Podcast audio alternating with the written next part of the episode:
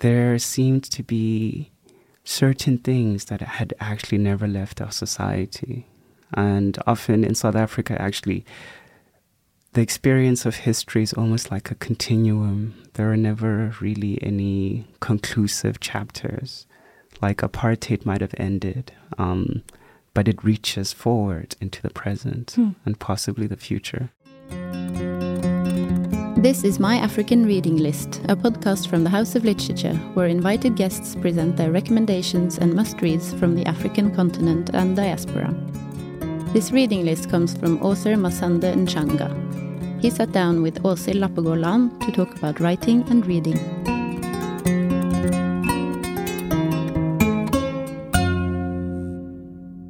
My name is Masande Ngalinchanga. I'm a writer. Um, I'm an author, a novelist. I write poetry, short stories. I'm also an editor of a literary journal, and um, I established and run my own um, independent publishing press. But overall, writer and publisher, I think, summarizes it. But you're also a reader. So what do you most like to read? Yes, um, I left out being a reader. Um, I'm, I'm a lecturer and a reader, which I guess are, are two things that I think are linked. Um, because most of my reading is these days material that I share with my students. And I like to read a variety of books. Um, I'm always encouraging them as well to read as widely as possible and um, to draw from different parts of the world. So I think the last book that I was really enamored with, I suppose, was um, from a Chilean writer, um, Benjamin Labatut, who wrote When We Cease to Understand the World. Um, yeah, What was it with that book that captured you? I really loved the prose and his really imaginative approach to telling um, history, especially 20th century history in regards to World War II and the technological progress that kind of emanated from that moment and the path it set humankind down and you know the tension between that path and the natural environment i think was something that he wrote in a way that was really refreshing um, the prose was really muscular and yeah i just felt really inspired by the book Hmm. What do you mean the prose was muscular? it was very strong like every sentence was almost indisputable which is what you are trying to always aim for i mean it depends on the type of book you're writing of course and because he's writing about a moment that is so familiar like world war ii and he's trying to stay as close to fact as possible um, the real pleasure of the book for me um, or the discovery were these sentences. And they were muscular in the sense that um, yeah they weren't creaky you know they weren't limp they were very strong. I could read them over and over again. Hmm. As you said, you yourself have written short stories, novels, and also poetry in your last publication, Native Life in the Third Millennium. Which is your favorite genre to write in, or do you have a favorite genre? um, i think i will always have this um, attachment to the novel finally i think um, it's the medium in which i'm able to most fully express i think how i experience the world and what i've learned about the world and what i want to share about the world. I just think it's um, a large enough canvas and it's allowed to be imperfect in a lot of ways. Um, just like life. Short stories will always have a close place um, will always be close to me because i think i made my start with short stories in fact um, it was winning a short story prize that enabled me to actually embark on a writing career so um, I love them for their mobility. They have to be a little bit tighter than novels, but um, they're a great way to get started as a young writer um, and also to experiment. You know, it was after using um, a story of mine that won a prize as a kind of canvas to experiment on that I was able to write and complete my first novel. Mm. And then lastly, poetry, I think I approach with great reverence. Um, it's it's almost holy, you know, to me. And I think whenever I am blessed enough with the event of receiving a poem, then I'm grateful. Um, so I think, yeah, um, poetry I revere. Um, short stories I'm grateful to, and novels I love. So the poems are something that is brought to you, or or that come to you. Yes, I imagine so. Um, absolutely, I think the poem in native life I spent years working on actually, which is surprising because um, it isn't that long. But uh, if you pay attention to how it's formatted or divided, you'll see that um, it's in two sections. One being 2009 and the other being 2019. So I think um, poetry is able to distill in such um, a small space, you know, vast amounts of experience and time. But it has to be the right moment for me. Otherwise, it feels contrived and um, it, it doesn't have that, that resonance that I look for, even in poetry that I read. Mm.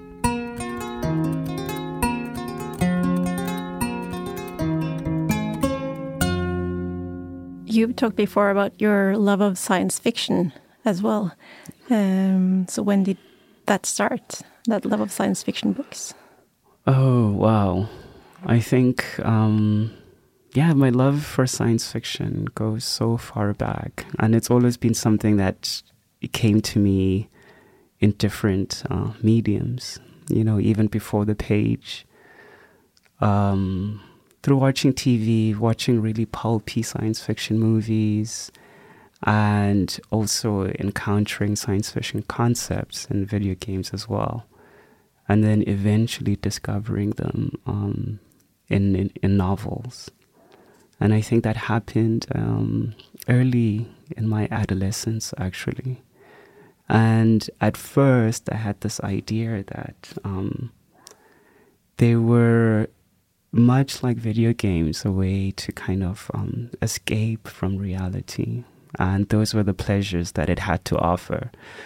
But the more um, I engaged with it and kind of um, encountered more serious writing, um, for example, through cinema, um, watching uh, Andrei Tarkovsky's films, uh, Stalker, and then reading uh, Roadside Picnic uh, by Arkady and Boris Strugatsky or um, watching Solaris and reading Stanislaw Lem, uh, Stanislaw Lem and kind of going through his works as well. And of course, Arthur C. Clarke. Hmm. And science fiction is an obvious uh, inspiration or influence on your latest novel, Triangulum, mm-hmm. which has a fantastic frame and uh, portrays uh, a dystopian future. Uh, however, I read it as just as much about South Africa's recent past yeah. Uh, and a story about growing up in that shadow. Yeah. So, was that your intention, or how do you go about writing both historically and futuristically yeah. in the same book? Um, I did intend to. I didn't know how it was going to turn out um, in the end, but I did definitely intend to write about that recent past as well as the present. And then the more I concentrated on those, um, the future began to kind of emerge from that. And I think I was trying to understand the past first. And then in trying to understand it, I was looking also at its legacies in the present and there seemed to be certain things that had actually never left our society. And often in South Africa, actually, the experience of history is almost like a continuum. There are never really any conclusive chapters. Like apartheid might have ended, um, but it reaches forward into the present Hmm. and possibly the future. So I wanted to understand for myself um, where the country had been and also where it could possibly go. And the more I worked on it, the more similarities I found, actually, you know. Um, because in common, what seemed to be recurring was that it was a group of people and it was a fight for resources, whether they were from the planet or whether it was using other human beings as resources. Mm. And under our current economic system as well, I saw the, ser- the same arrangement. And so I tried to think as far ahead as I could. If we followed this path, what could possibly happen? Yeah. While at the same time, it's also this this story about this young girl and her adolescence, her growing up. Yeah. Uh, and as I read your books, some of your main themes is youth culture Yeah. uh, and alienation, Yeah. mental health, drug use, and technology is a is a major one. Yeah. Uh, political and historical issues are there, but maybe not at the forefront, more as a, as a backdrop to the characters that we meet and that we follow. Yeah. And in your debut novel, The Reactive, um, the main character is HIV positive. Uh, and as one American rev- reviewer wrote, AIDS, it's the kind of heavy hitting theme we expect from an African novel. Please educate us. We expect poverty and disease and possibly armed conflicts. So there is this set of expectations from the West about what African literature, in quotation marks, should right. be. Right. Yeah. Does does that affect you as a writer? Um, actually, I've been fortunate enough not to be affected as much by it, and I think um, I am aware of them, and I think I do enjoy subverting them. Yeah. But it's not really something I go out of my way to do because I feel as if um, if you write honestly, then you're able to write outside of you know these tropes, and um, because Africa as a continent is so unfamiliar to the world. I think it's a place that the world hasn't properly met yet. So for me to simply write um, what feels true and what I see around me, um, you know, just naturally falls outside of those tropes and the cliches that are expected, and fortunately ends up subverting these expectations. But yes, I, I have written, I think my last three books have had that focus, you know, on um, on youth culture, and I think a lot of that also has to do with coming from a very young democracy. Yeah. And there's this parallel, you know, between like my characters growing up and these transformations that are happening in the country, and um, it's almost like a trilogy now. And as, I suppose now it's probably time to, you know, move on to older characters, perhaps middle age. Um, but definitely, there are these things that I think about in terms of history and society. But um, at the end of the day, I do look at my work as like um, literary.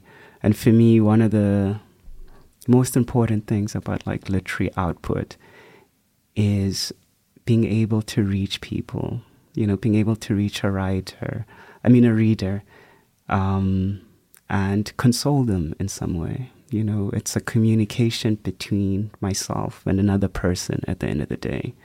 Yeah. So um, I put a lot of importance on what's human as much as what's conceptual or um, intellectual or whatever. Yeah. And how is has the reception and the response been? Have you met any readers that have been touched? Um, I have actually. Um, I've been blessed with that. Yeah. Um, there have been quite a number of people who have written to me. Um, you know, really moved by the book, and there's also people who've um, written to me who've been um, really kind of intellectually inspired by it, you know, um, whether it's for academic work or something else that they were working on. And um, yeah, there are also lots of people who've um, reached out saying that they'd love to see it on screen as an adaptation. And it will be, right? Yes, yes, yes. Triangulum um, will be a TV series. Yes, yes. I did. I did sign um, a deal uh, with a Hollywood studio, um, SK Global. Um, but we'll see. You know, they take years. These things, um, and it's such a a different world actually um, to the literary landscape. It's a lot more cutthroat. But it's exciting just the same. Absolutely. Looking forward to see yeah. what comes of it. During the pandemic, uh, as you mentioned, you you founded a pop up publisher, or maybe it's not pop up, maybe it will be more permanent. Yeah. Model C Media. What was the motivation, and what what do you want to do with this? I think after I came out of uh, writing Triangulum, which was quite a big book, and I worked with three different editors, you know, across three continents, um, from Two Dollar Radio, my American publishers in Columbus, Ohio, to Jacaranda Books in London, and then finally um, Penguin Random House SA in Johannesburg and Cape Town. Um, it was a huge book. There were a lot of details in it, and at times, I mean, the first draft of it was more than a hundred thousand words. Oh wow! Yeah. um, and I was working with these three editors, and of course, um, I each of them brought something different to the book. Um, the my American publishers were very adventurous and they brought this enthusiasm, enthusiasm and energy and imagination to the book. And of course, um, my South African editors kept it as accurate as it possibly could. Um, they're the people that I could refer to about certain things uh, in my research because it covers such a large span of time. And um, finally, the UK editors kind of came in at the end um, and also offered a contribution, I believe, actually.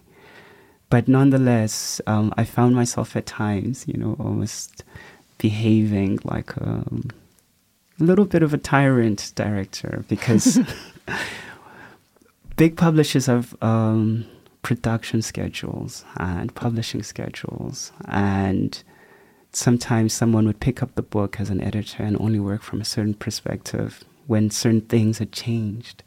And I would constantly go back and read the book in its entirety and maybe tell them that um, on a particular page, the diagram, the triangle, triangle is facing the wrong way, or something is wrong with um, the numbers in the recording um, sessions, and so all of these tiny details. Yeah, and it became very huge and almost ungainly. Um, but in the end, we pulled it off, so I walked away from that with a desire to um, experience writing something where I had a lot more control. Yeah. Yeah, it's something which was a lot smaller as well. And with an interest actually of seeing whether or not I could take a book from a thought and kind of materialize it on my own through publishing to the point where it entered the cultural landscape, was cataloged, and um, I think it was rewarding. I learned a lot about publishing, actually. Yeah. yeah. And now you've just sent a second book to to yes. print. Yes. Yeah. Um, yeah, it, it's it's growing into its own thing. Really, I'm discovering a lot of interesting, adventurous young writers, um, and who are willing to collaborate. You know, and for now, it's still a nonprofit. Uh, we donate all of our proceeds um, to causes that the writers care about. Hmm. Um, but as we continue, the business model will evolve and hopefully it'll grow into something bigger. But yes, we have a new book coming out. Um, I think by the time this podcast comes out, it will be out. Um, all I can reveal for now is the title, and it's called Sketches And yeah, it's at the printers right now.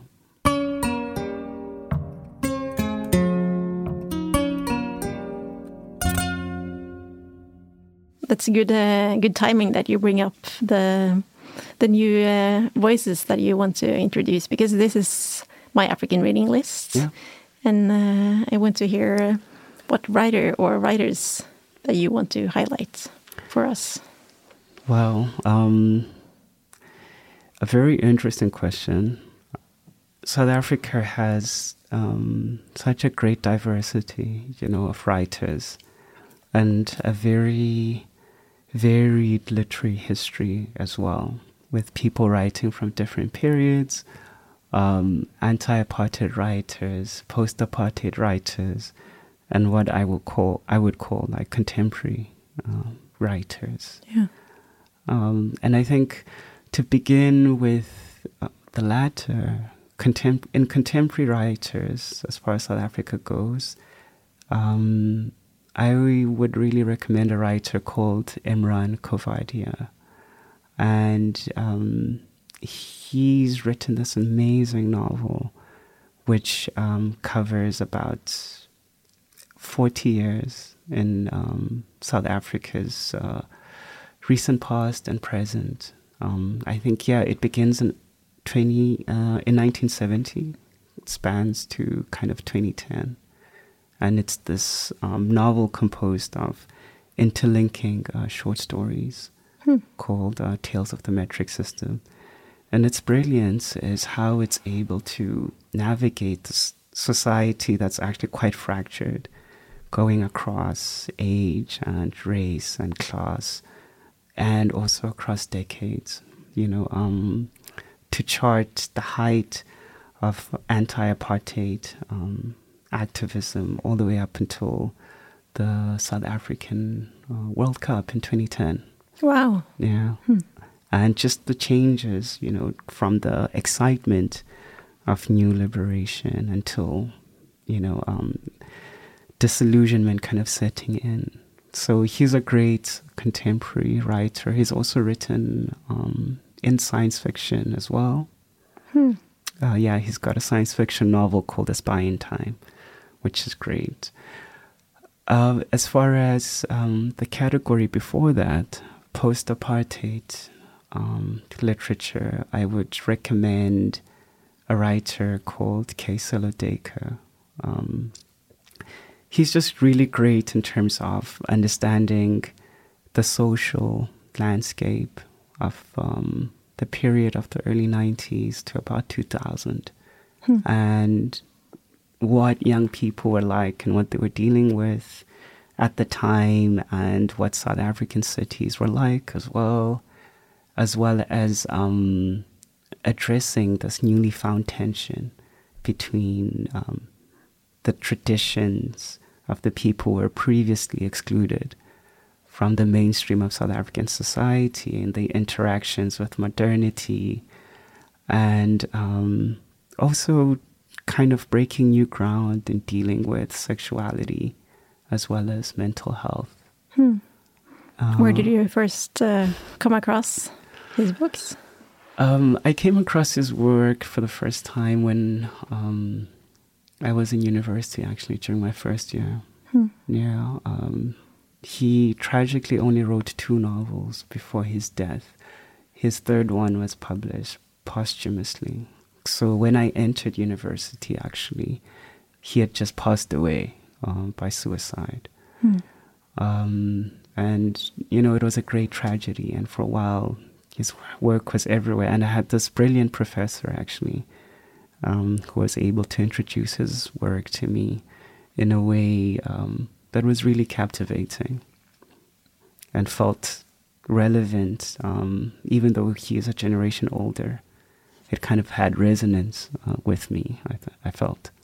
Yeah. Um, Which was the first title that you read by him? The first title I read by him was a book called The Quiet Violence of Dreams, um, which is the one that deals mostly, you know, with these issues that I spoke of, um, with a protagonist who's uh, queer and suffers from mental health issues, which also actually might be spiritual ailments. You know, the book is never really conclusive Hmm. as to far what's hap- as as far as to what's happening with Tshepo. Um, but it broke a lot of new ground in terms of writing things that were previously considered taboo Yeah. in South African literature um, for whatever reason. And I think the category of um, anti apartheid, I think, um, yeah, that one is so vast. You know, hmm we have an incredible like pantheon of writers who agitated against apartheid and also like different eras i suppose from the 1950s with the drum writers um, all the way to uh, the 70s i guess which is when um, our nobel prize winners would start like gordimer and Coetzee. Yeah. Yeah. I think uh, many of our listeners will will know Gordimer and Coetzee, maybe Njabulo Ndebele. yes But I'm sure there are many more that we should discover as well. yes exactly Yeah. And thank you actually for mentioning uh, Njabulo Ndebele. I think he would probably um, take my post, I mean, my anti apartheid um, uh, favorite. Yeah. So Njabulo S. Ndebele, K. Sello Duiker, and Imraan Coovadia in successive um, eras. I think what was great about uh, Njabulo, and he writes about this in his academic work as well, um, was this concept of the rediscovery of the ordinary. And he was very influenced actually by Dubliners, by James Joyce. Hmm. So it was interesting how he wrote uh, his first book, Fools, and other stories, because they were happening within the context of apartheid, but foregrounded, you know, um, stories of childhood, adolescence, young adulthood, family, and relationships. And um, he believed, actually, even under oppression, focusing, you know, on what's human and what's seemingly insignificant in times of political turmoil can actually be, you know, um, uh, an action of protest. Yeah. Would you say he's influenced your own work in some way? Definitely, I would say that concept Yeah. has absolutely um, been an influence. I it's funny because I was kind of I always felt like I was drawn naturally to it, and that's what's always surprising, you know, about writers and about humanity is that um, we aren't that different, you know, even when it's decades apart. And um, as long as we keep writing and we keep recording this, we'll always discover it, you know, um, like looking at it. If you look at him and, as an author and myself, on the surface, it would appear that we have very little in common. But actually, you know, getting into the work, you discover these these parallels. Yeah. Yeah.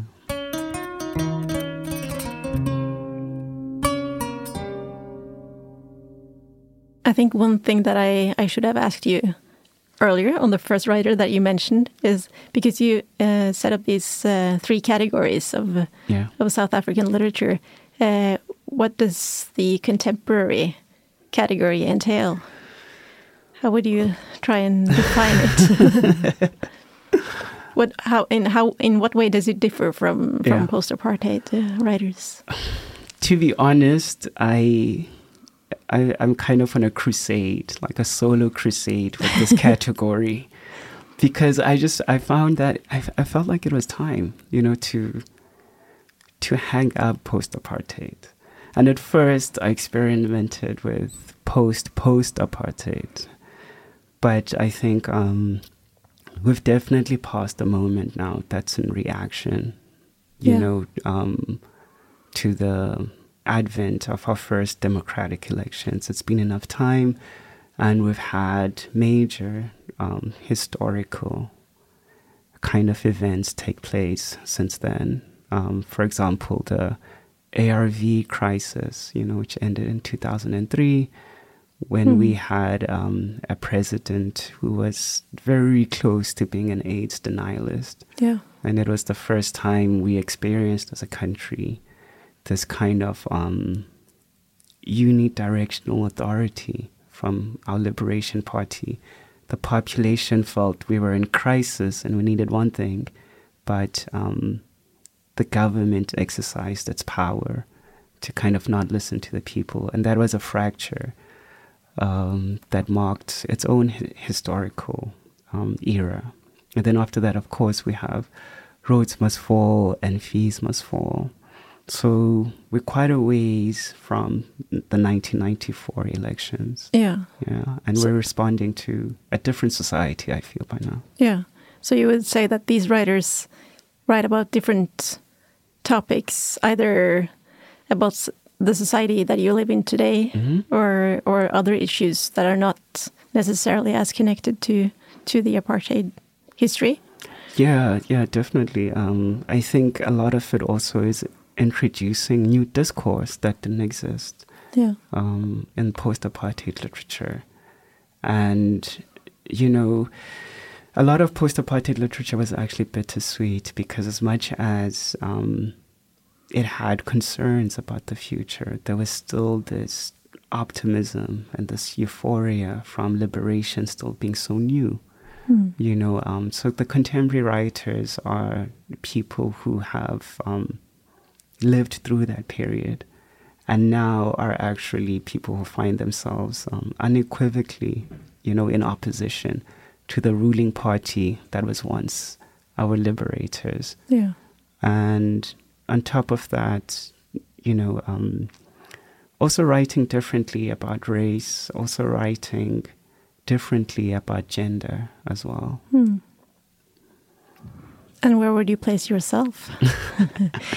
I find that you you definitely write about some of these themes, but you also uh, explore the history of of uh, the post-apartheid uh, era. Yeah, yeah. I, I don't know. I Maybe you straddle the two. I tend to be a straddler. Of, I don't like belonging too strictly to kind of um, any category or club. And I remember taking it. Um, for example, someone else who might have felt as I did was a person who might have, um, and this was a popular sentiment that, you know, um, we're tired of writing about apartheid, and that writing about apartheid is something that um, been overdone and there's nothing new to say about it. And I remember coming across this sentiment at Yeah. some point and disagreeing very, very strongly. On the other hand, I understood what they meant, and the problem is how we write about apartheid. But um, I'm someone who's very much interested uh, in every aspect of our literary history and our country's history, as well as maybe, you know, more work about the future as well. So I think I would, um, I could fit into the contemporary, but with a caveat that I write um, across subjects and across genres. Yeah. Well, Sander, thank you for being part of uh, my African reading list. Thank you so much uh, for having me. That was lovely. Thank you. You've listened to My African Reading List. The complete reading list can be found in our show notes. This episode was edited by the House of Literature. Music by Ibou Cissokho.